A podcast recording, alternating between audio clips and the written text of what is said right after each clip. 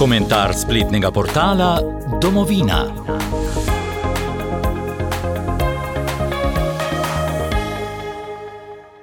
Danes bomo prebrali komentar urednika portala domovina.je Roka Čakša z naslovom Cena krize srednjih let Roberta Goloba. Poslušaj, sem politik, kar pomeni, da sem goljuf in lažnivec in kadar ne poljubljam otrok, jim kradem lizike, a obenem si puščam opcije odprte. Izvrstna definicija politika, ki jo v legendarnem filmu Lov na rdeči oktober poda svetovalec za nacionalno varnost predsednika ZDA Jeffrey Pelt, je odlično izhodišče za uris marsičesa v slovenski politiki, tudi zadnjega dogajanja okoli prihajajočih volitev za predsednika republike. Kako malo v naši politiki velja izrečena beseda, smo najprej videli pri socialnih demokratih, ki so samo v dveh tednih prešli od javnega zatarjevanja, da svojega predsedniškega kandidata ne bodo imeli, do nominacije Milena Brgleza ravno za to funkcijo.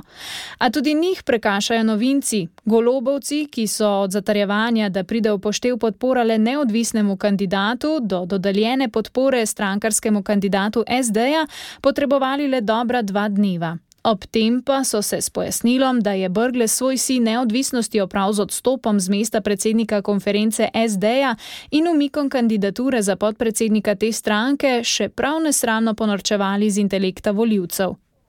Kdor kupi kaj takega, si najbrž res ne zasluži drugega, kot da se jim razni Jeffrey Pelti in Roberti Golobi smejajo obraz, medtem ko mu kradejo liziko. A razumeti golobovo ravnanje okoli predsedniške tekme in še nekaterih drugih potez, ki jih vleče kot predsednik vlade, zahteva nekaj širšega strateškega uvida.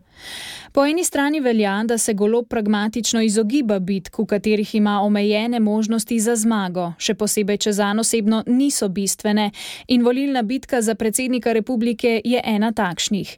Predvsej verjetnemu porazu svoje stranke se je z umikom Marte Kos elegantno izognil in hkrati s tem poklopil za njegov okus preveč samozavestno in povspetniško tekmico.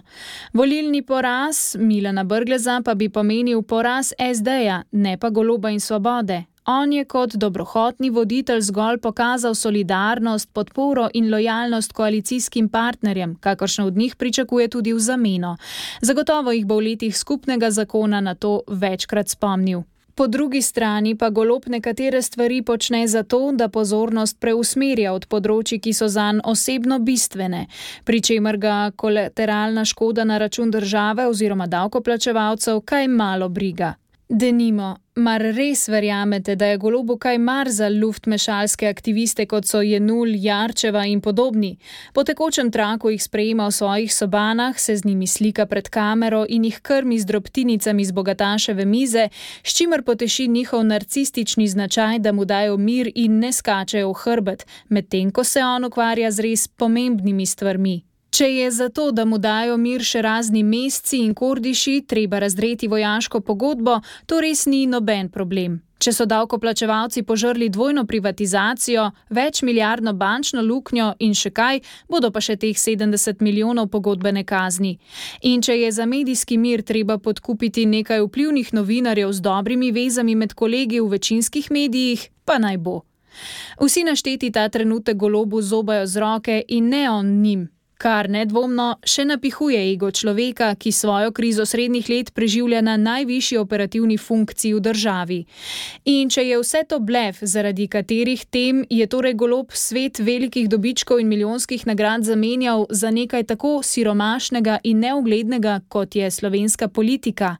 Zgolj najpozornejši spremljevalci aktualnega dogajanja so minuli teden zastrigli z ušesi, ko je golobov človek iz Genija, sedaj ministr za infrastrukturo Bojan Kumr, napovedal zakonodajo za poenostavitev postopkov umeščanja velikih sončnih elektrarn in veternic v prostor.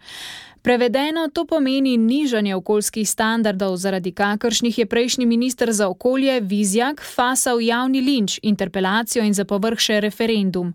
Kumar je dodal še novo dajatev ob registraciji vozil, iz katere bi financirali polnilnice za alternativna goriva, vodik, sintetični metan, utekočinjen naftni plin, elektriko.